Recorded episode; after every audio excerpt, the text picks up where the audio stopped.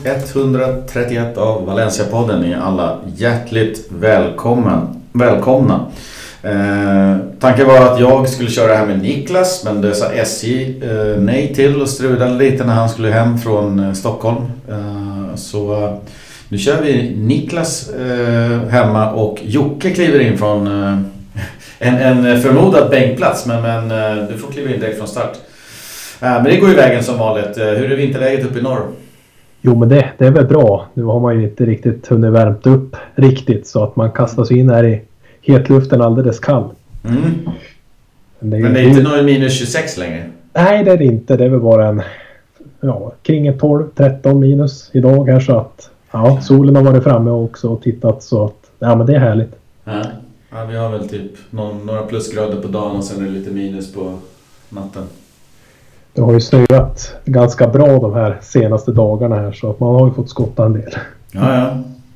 Men det är väl som det ska vara. Det är som det är, mm. absolut. Nej, men vi är tillbaks. Vi öser på här. Vi har uh, lite nyhetspaket. Vi har uh, nersnack Sociedad och vi har uppsnack uh, Copa del Rey uh, semin. Som spelas imorgon torsdag så hoppas ni hinner lyssna före. Uh, vi dundrar igång.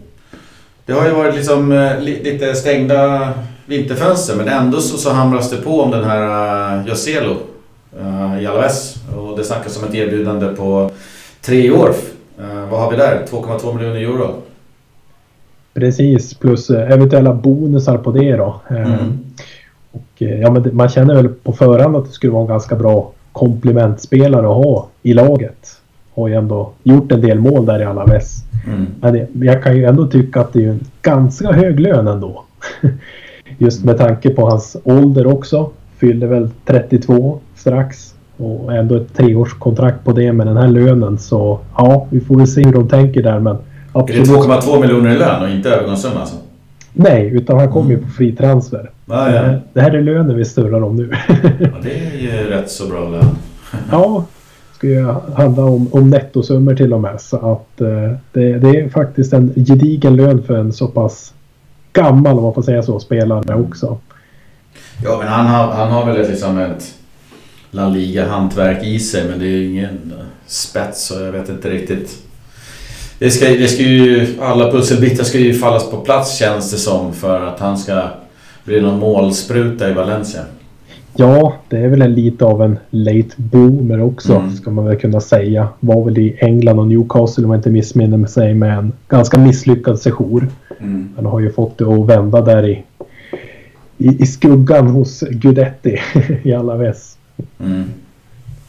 Ja, nej, vi får se. Men, men fönstret är stängt och han, eh, hans kontrakt går ut i sommaren och det är därför man kan, han kan förhandla då. då. Precis, har mindre än sex månader kvar så är man ju fri att förhandla med, med andra klubbar. Just. Så. Och den han förhandlar med antagligen är ju sportchef Corona som har fått eh, kontraktet förlängt. Ja, fin segway där. Mm. Eh, och det är ju ganska svårt att veta egentligen nu att, nu att man förlänger kontraktet med Corona till 2024. Vad har han gjort och inte i detta Valencia? Mm. Känns det som den perfekta gubben i Peter Lims och Anel Mörtis Valencia. En sån person som inte syns särskilt mycket eller framhäver sig speciellt mycket i media eller så utan är väl en marionettdocka mm. från deras sida. Eh, så det är väldigt svårt att peka på om hans gärning i Valencia har varit bra eller dålig då det är så väldigt svårt att avgöra vilka värvningar har varit Coronas värvningar mm. vilka har varit Anel Mörti och Peter Lims värvningar. Och båda Asto såklart. Ja, det, precis. Man vet ju inte om det är han som ligger bakom liksom hela scoutingen och valen och så vidare. Eller om han bara sköter någon typ av pappersarbete. När eh, Annie Murti eller någon annan har valt vilka det blir. Så att, jag vet inte, jag tror att han passar helt perfekt in i sportchefsrollen i Valencia ur Anil Murtis ögon.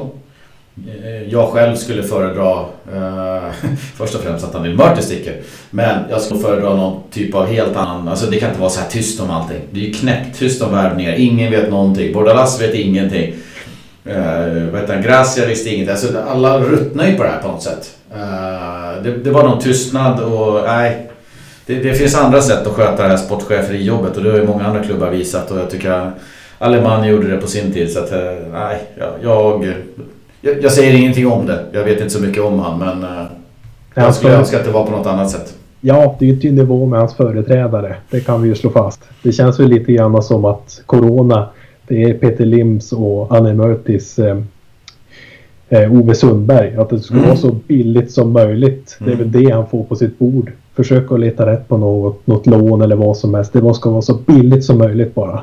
Mm. nu hade vi väl efter Alemani, Jorge Lopez och var det Cesar Sanchez var inne en sväng och vände i dörrarna innan de ledsnade helt. Så att, ja, efter Alemani så, så passar nog det här. Han är mörkt bra. Så är det. Dario Poveda. Var vaknar den här gubben ifrån? Ja, det är ju en gammal Getafe-lirare då som just nu är utlånad från Getafe. Men han hade ju Bordalas då som tränare. Mm.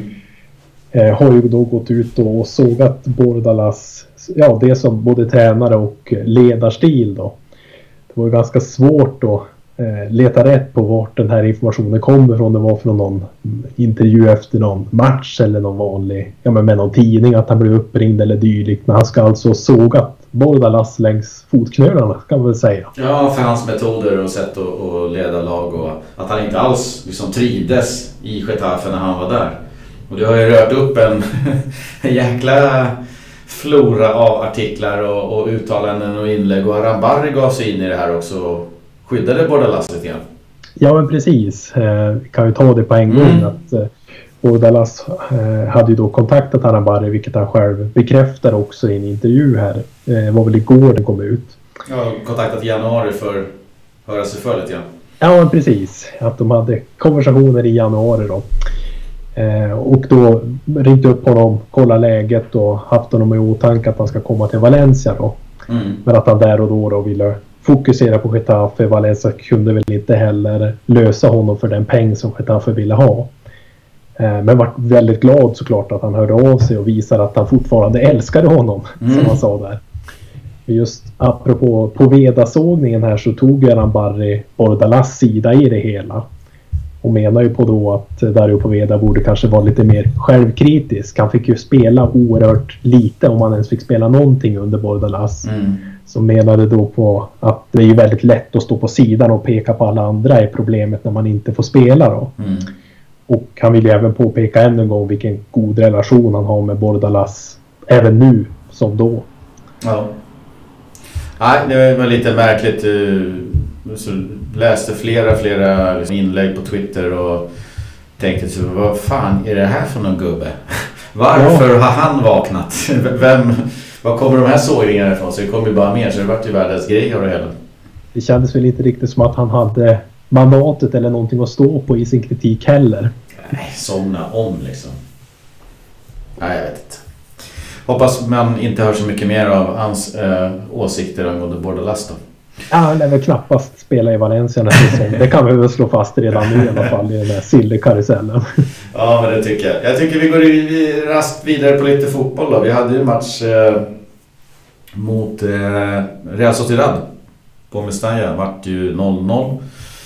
Valencia vann eh, skottstatistiken. Låg under med 9-0 i hörnor så vart det 9-9 till slut. Eh, det var väl ingen match som man kommer minnas om 10 år. Eh, förutom kanske Mama. Vad säger du om hans insats? Överraskande start mellan stolparna. Ja, verkligen. Den, den kom ju som från ingenstans kändes mm. det ju som. Och eh, återigen eh, så ser man ju det här lugnet som han visade de första, var det tre matcherna. Mm. Eh, på säsongen då. När han kom in och startade premiären mot Getafe. Visade pondus. Visade liksom sin storlek också. Han har ju det, det fysiska till sin fördel där men även liksom i sitt lugn. Han mm. kändes harmonisk på planen igen. Eh, sedermera så såg vi ju då hur han sjabblade till det i de där matcherna mot Sevilla bland annat. Som gjorde att han, man inte har sett röken av honom först nu då. Nej. Eh, så ja, det blir ju svårt nu för som vi kommer in på lite senare. Mm. Hur fasiken ska man formera det här till Copa nu? Ja, du får suga på den en stund så ska jag fråga dig sen. Men det var, det var verkligen, alltså han gjorde ett par riktigt bra räddningar. Han gjorde ju inget sjabbel. Eh, ut, rusade ut några gånger, visade pondus. Det, liksom, det var det här, wow. Här, alltså. Det var de, det som sa, minnena drog sig tillbaks till premiären och de första matcherna där.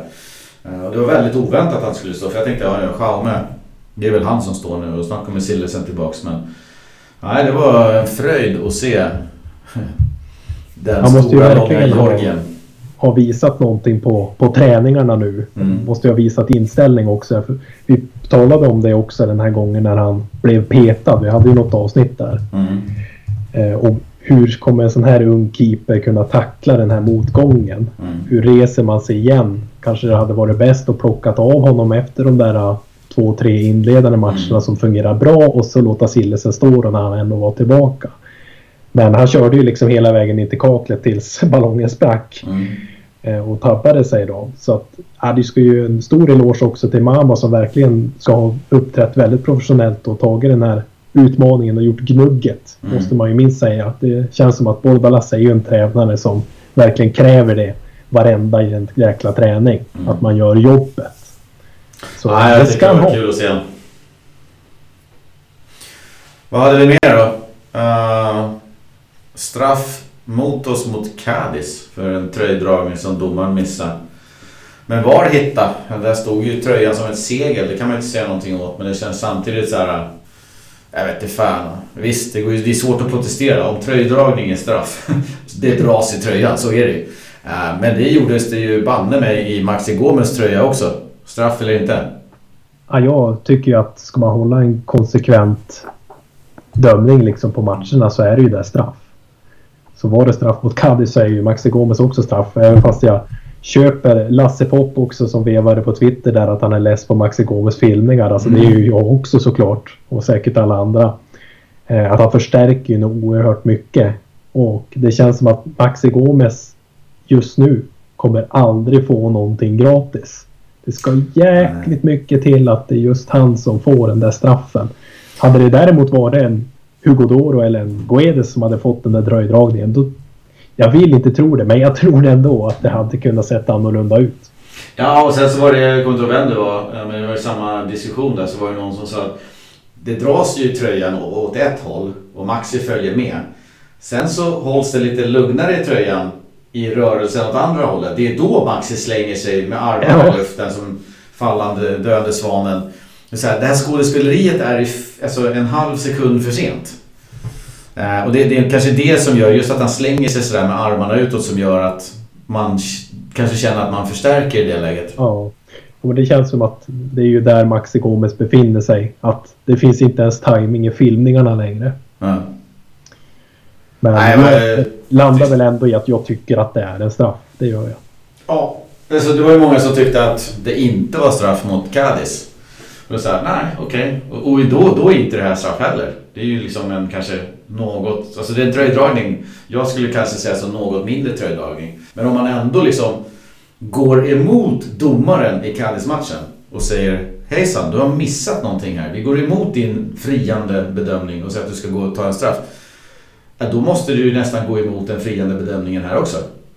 Ja, precis så. Det är ju den här konsekvensen som inte finns. Mm. Nej, så är det. Sen så kanske domarna är konsekventa hos sig själva, match till match, men inte konsekventa med sina kollegor, domare. Det är svårt kanske att vara det, men... Ja, ja. Det, det, det blev ett straff, det var trist. Eh, den hade vi väl kunnat fått. Uh, Brian Schild. Gå från klarhet till klarhet. Vad säger du? Ja, det är ruggigt roligt att se han fortsätta precis på den här inslagna vägen som vi såg han också i debuten. Eh, hade ju en sekvens där när han vänder upp otroligt snyggt på mittplanen och serverar Maxi Gomes till ett, ja nästan till friläge måste man väl kunna säga. Ja. Eh, och där, där borde ju såklart Maxi Gomes också ha fått till ett bättre avslut i alla fall. Nu skjuter han ju mitt på målvakten. Ja, sen hade han väl ett eget friläge också. Ja, precis. I, I slutet där också när han kommer loss. Jag vet inte, jag, är det Guedes som petar fram den till honom? Ja, jag tror det. Jag tror också det. Otroligt fin passning av Guedes ska sägas. Eh, Men där tycker jag också att han borde ju nästan få den där längre ut mot stolpen. Nu blir det också ganska mitt på målvakten här. Mm. Men eh, det, han är på gång. Han håller ju på att spela in sig. Det märks. Ja, exakt. Och, och, och det är det jag gillar med honom. Han är pigg, frejdig. Uh, har en vilja hela tiden. Det är bra tryck under dojorna på honom. Han dribblar av folk och så vidare. Det är så nästa steg, vilket jag alls inte kräver när man är helt ny in i laget efter två matcher. Men det man hoppas på det är att det här börjar omsättas i assist till mål och mål. Eh, för annars så kan man trolla bäst man vill. Ger det liksom ingen slutprodukt så, så är det lite elda för kråkorna så att säga. Eh, nu säger inte jag att Brian Schill gör det, eh, för han har spelat så kort tid och till verkligen. Men det vore kul om man kunde liksom eh, kanske sätta den här chansen eller passa fram till någon så man ser att det, det blir lite resultat också.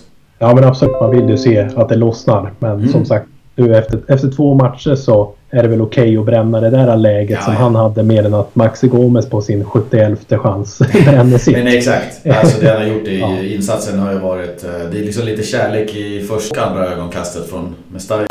Ja men verkligen. Och man grämer sig fortfarande mm. över att det bara är ett lån. Ja, och två stycken som inte ska hångla någon mer med varandra det är ju Hugo G och Mikkel Merino. Det såg lite otäckt ut. Ja, det var ju en ihopnickning helt enkelt. De skallade ihop med varandra. Och Hugo G fick ju sedermera besöka sjukhuset också och operera den näsan som han mm. skadade. Ja, det kom, det kom ju en hel del blodvite så att ja, man är glad att båda är på fötter så där snabbt efteråt. Mm. Hade ju slutat riktigt illa de där huvudskadorna annars. Ja, och, och det var ju helt ofrivilligt tänkte jag säga. Båda försöker nicka på bollen så dunkar de ihop bara. Det ser ju jäklar vad det gör ont det där. Ja, det som stör mig lite är väl att eh, Kvibben här som kommenterar matchen ropar på straff då. ja, men det såg man ju på reprisen att eh, för ja. mig var det helt hundra tydligt att det var inte det. Nej, det, det det där är liksom båda två som går upp där och mm. båda blir bolltittande så det är ju ingenting att säga om någon, något, någons fel om man säger så. Nej, och sen kan ju fotbollen vara fantastiskt fin. När Mestalla ställer sig upp mangrant och ger David Silva en stående ovation när han kommer in igen. Ja, det är, det är som sagt, man, man grämer sig lite men också lite lättad ändå. Mm. På, på att han inte kom tillbaka till Valencia. han är värd mer. Han är värd en bättre klubb. Ett bättre ja. Valencia. Ja, så kan man ju också se det. Jag ser det väl lite som att det har ju inte direkt varit någon sprudlande succé heller i La Real. Nej, det är också... återkomsten till spansk fotboll. Så hade han visst kommit tillbaka till Valencia, det är klart att man hade köpt en tröja liksom och gråtit dagen han skulle ha kommit. Men eh, David Silva 2022 är ju inte David Silva vad han var en gång i tiden hos oss. Så att jag tror det är ändå viktigt att vi minns den David Silva vi hade. Mm. Kontra den som eh, Larial får, får ha idag då. Ja, och det ska väl sägas David Silva 2022 är inte den David Silva som lämnade för Manchester City 2010. Och det är banne mig inte samma Valencia heller. Nej, det är långt ifrån. Mm. Långt ifrån. Ja, men det var fint, eh, jättefint efter matchen också när han fick eh, Carlos Solers tröja och man såg att de liksom... Det var en connection direkt liksom. Det kom ju fram bilder sen där en liten Carlos Soler fick stå ta ett kort bredvid sin stora idol David Silva då när han lirade i Valencia. Och, eh, ja, det är stort. Det är bara jättefint. Det värmer hjärtat. Ja, verkligen. Och jag såg Niklas han skickade ut de här bilderna också mm. när de var... det, Carlos Soler bara var en liten grabb där. Mm. Det var väl när David Silva spelade i Valencia hade de någon bild tillsammans och så nu den här bilden, de är båda på planen. Så nej, det var väldigt fint att se. Mm. Jag tänker att vi eh, hade vi hade ju en del eh, mittbacksproblem. med En jäkla massa mittbackar borta eh, där... Ja, det blev väl en fyrbackslinje på något sätt kanske med Korea kanske på höger mitten och Folker på högerkant. Tyckte jag det såg ut som många gånger. Sen drar ju då Moskera på sig ett gult eh, och är inne och vevar i en situation där det liksom kanske fanns fog för att fundera på om man skulle ha ett andra gult. Eh, så han blir utbytt. Eh, och sen, jag vet inte fan vad Kömert höll på med. För ett tag så tänkte jag att han fejkade en skada för att han gjorde bort sig så taffligt i situationen där på halken. Men det vet jag inte. Han, han utgick i alla fall och då var det liksom världens panik. På mittbacksfronten. Ja, då fick ju Folker göra det han gör bäst. Alltså vara där han behövs mest. Precis. Så att eh, ja, det var ju prekärt där ett tag. Eh, men Hugo G kunde ju gå in och, och, och spela tillsammans med Folker där på slutet.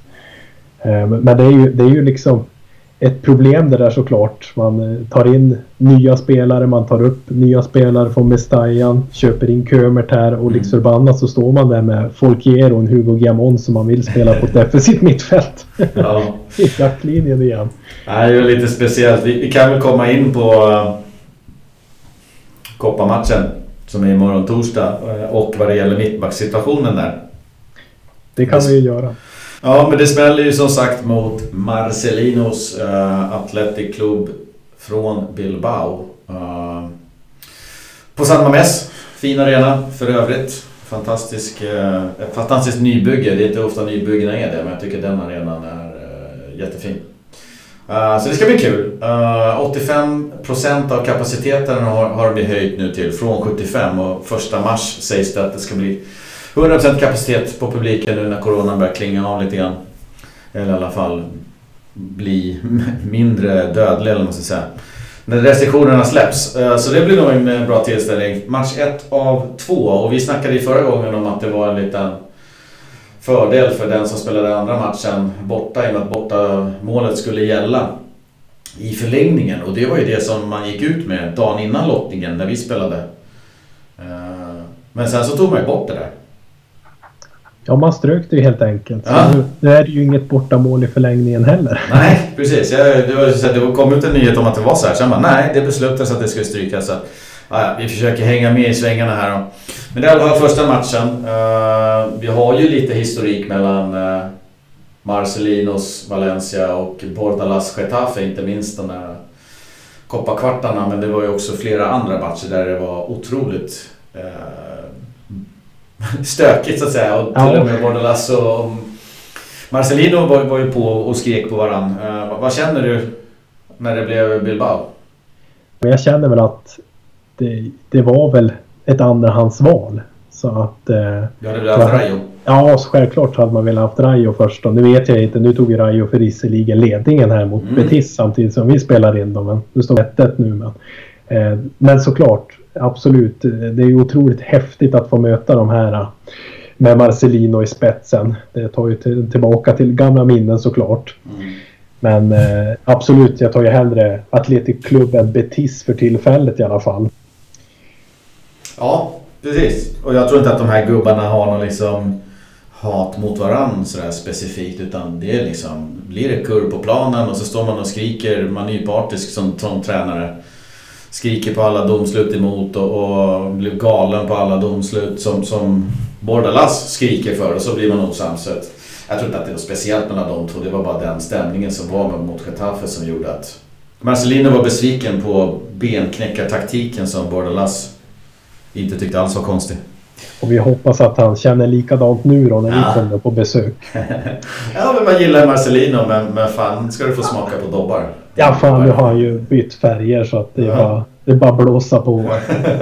Nej, det blir kul. Sen så, vi var inne på lite skador och sådär. Vi har ju Hugo G ska ju trots då näsoperation inte vara uh, struken från spel. Det finns ju olika typer av uh, masker som man kan lira med. Och så har vi ju då enligt vad rapporter säger, General Depie bland annat, eh, Diakabi och Alderete tillbaks. Och det är två backar, mittbackar som i min bok båda två är bättre än Kömert och Moskera.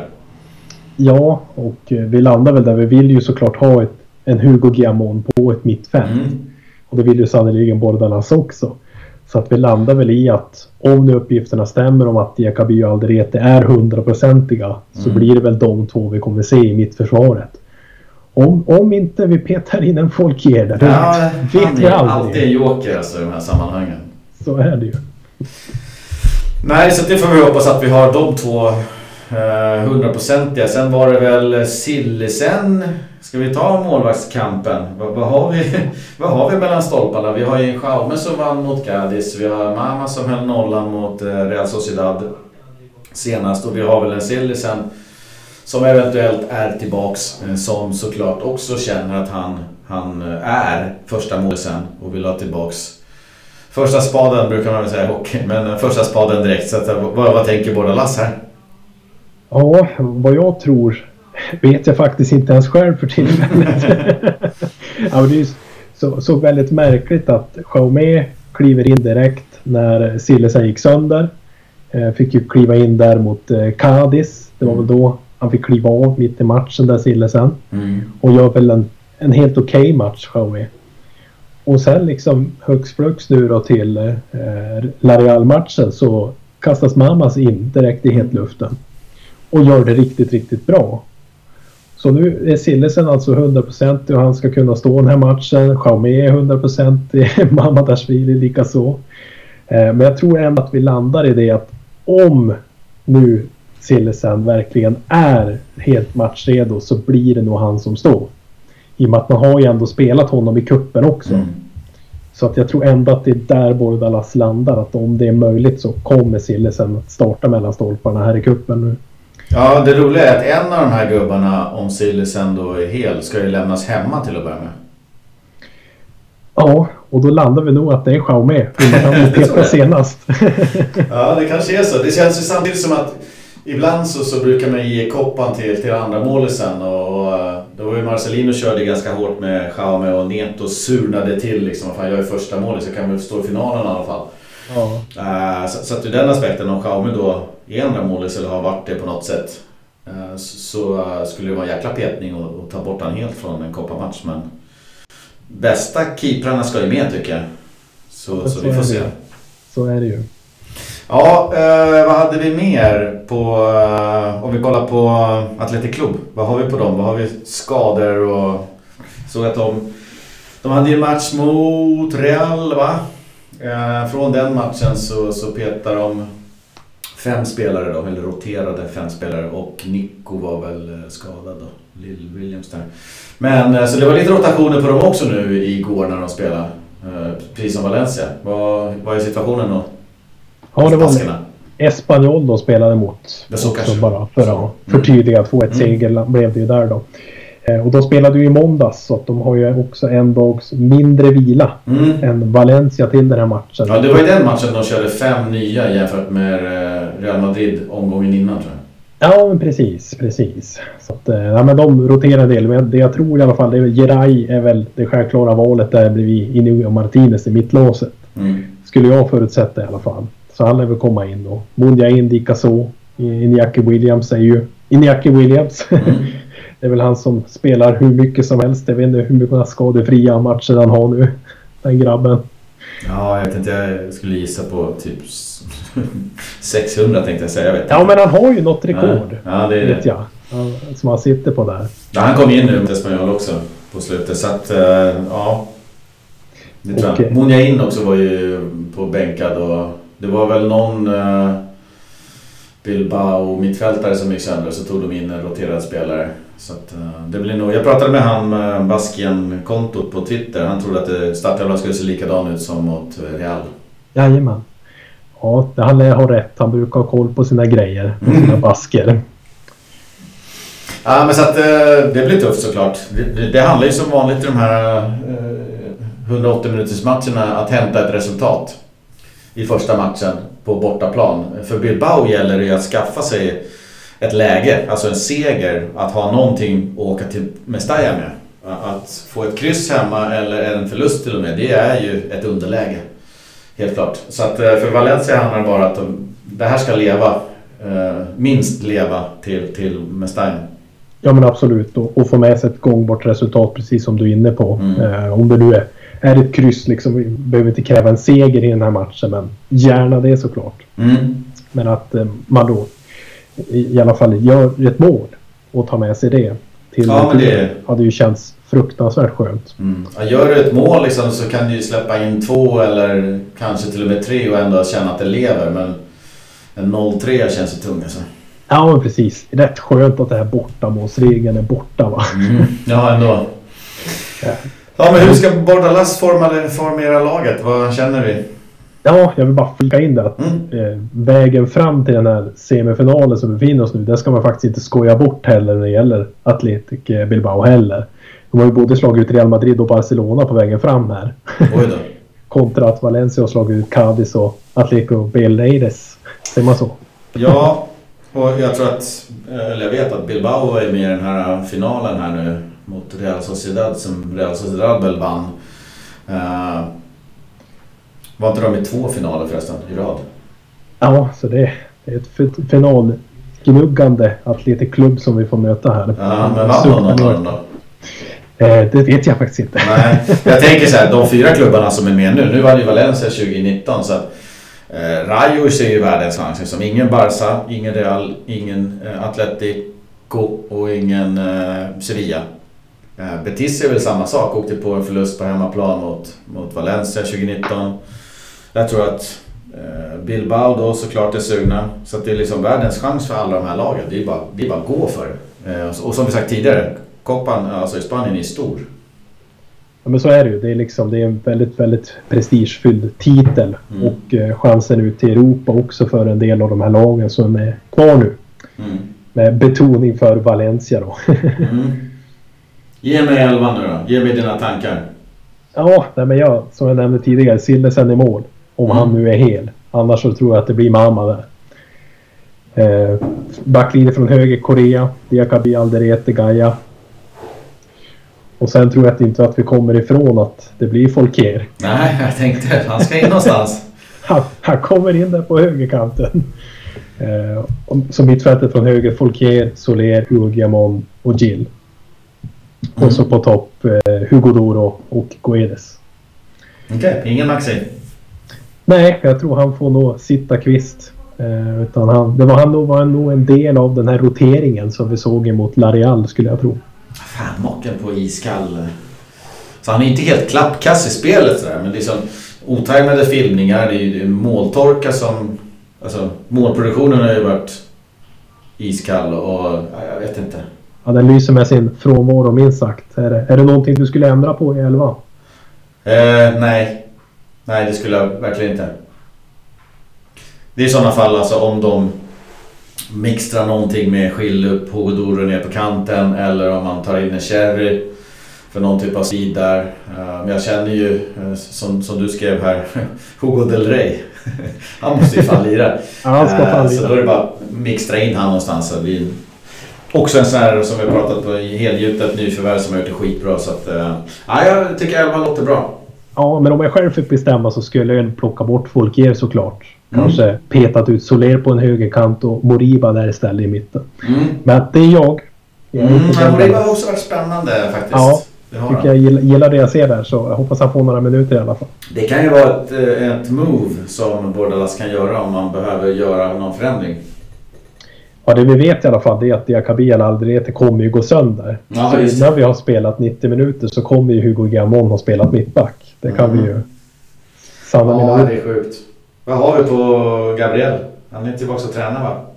Ja, han eh, är väl i, i träning men eh, egen träning då. Mm. Inte med inga närkontakt med några dueller eller dylikt med lagkamrater utan sköter ju sitt på, på sidan för tillfället. Vi får se om han kommer tillbaka eller inte. Ja, märklig grej alltså att han skulle bli borta så länge. Det hade jag svårt att fatta. Ja, har inte känts som någon som, visst, han har varit lite skadebenägen så, men inte varit borta någon längre perioder vad jag vill minnas i alla fall. Inte i Valencia. Nej, Nej så det är väl uh, ett, uh, ett ny, nytillskott eller en, en, spelare som verkligen skulle behöva tillbaks någon gång. Ja, skulle kännas lite som ett nyförvärv nästan. Ja, nästan faktiskt. Jo, jag tänkte bara nämna eh, matchen mot eh, Real Sociedad. Det var ju nästan ett rekord tänkte jag säga. Eh, snittåldern.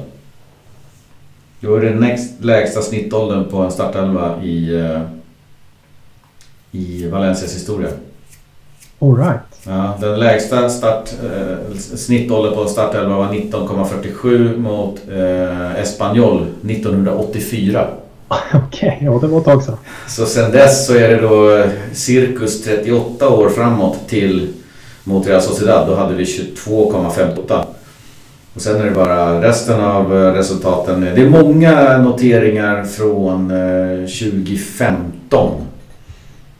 Är det. Och då hade vi väl en, kolla lite här, en ung Santimina, vi hade en André Gomes, vi hade en Mustafi var ung. Cancelo var 21. Ja, Gaia var väl, inte så, var väl med där också. Var inte så gammal då heller. Jag vet inte om just de här matcherna han Bakali kanske spelade. Han var 19. Zakaria Bakali. Alltså, vad hände med honom egentligen? Nej, jag vet inte. Han var väl i Var det Standard Liège eller något sånt där att veva? Ja, ja, här står det PSV, PSV, PSV. Sen är det La Coruña. Sen vet jag inte var han tog vägen. Försvann ja. den här listan. Nej, så att eh, han Fede var ung också. Cartabia, kommer du ihåg honom? Vem? Fede Cartabia. Ja, svagt.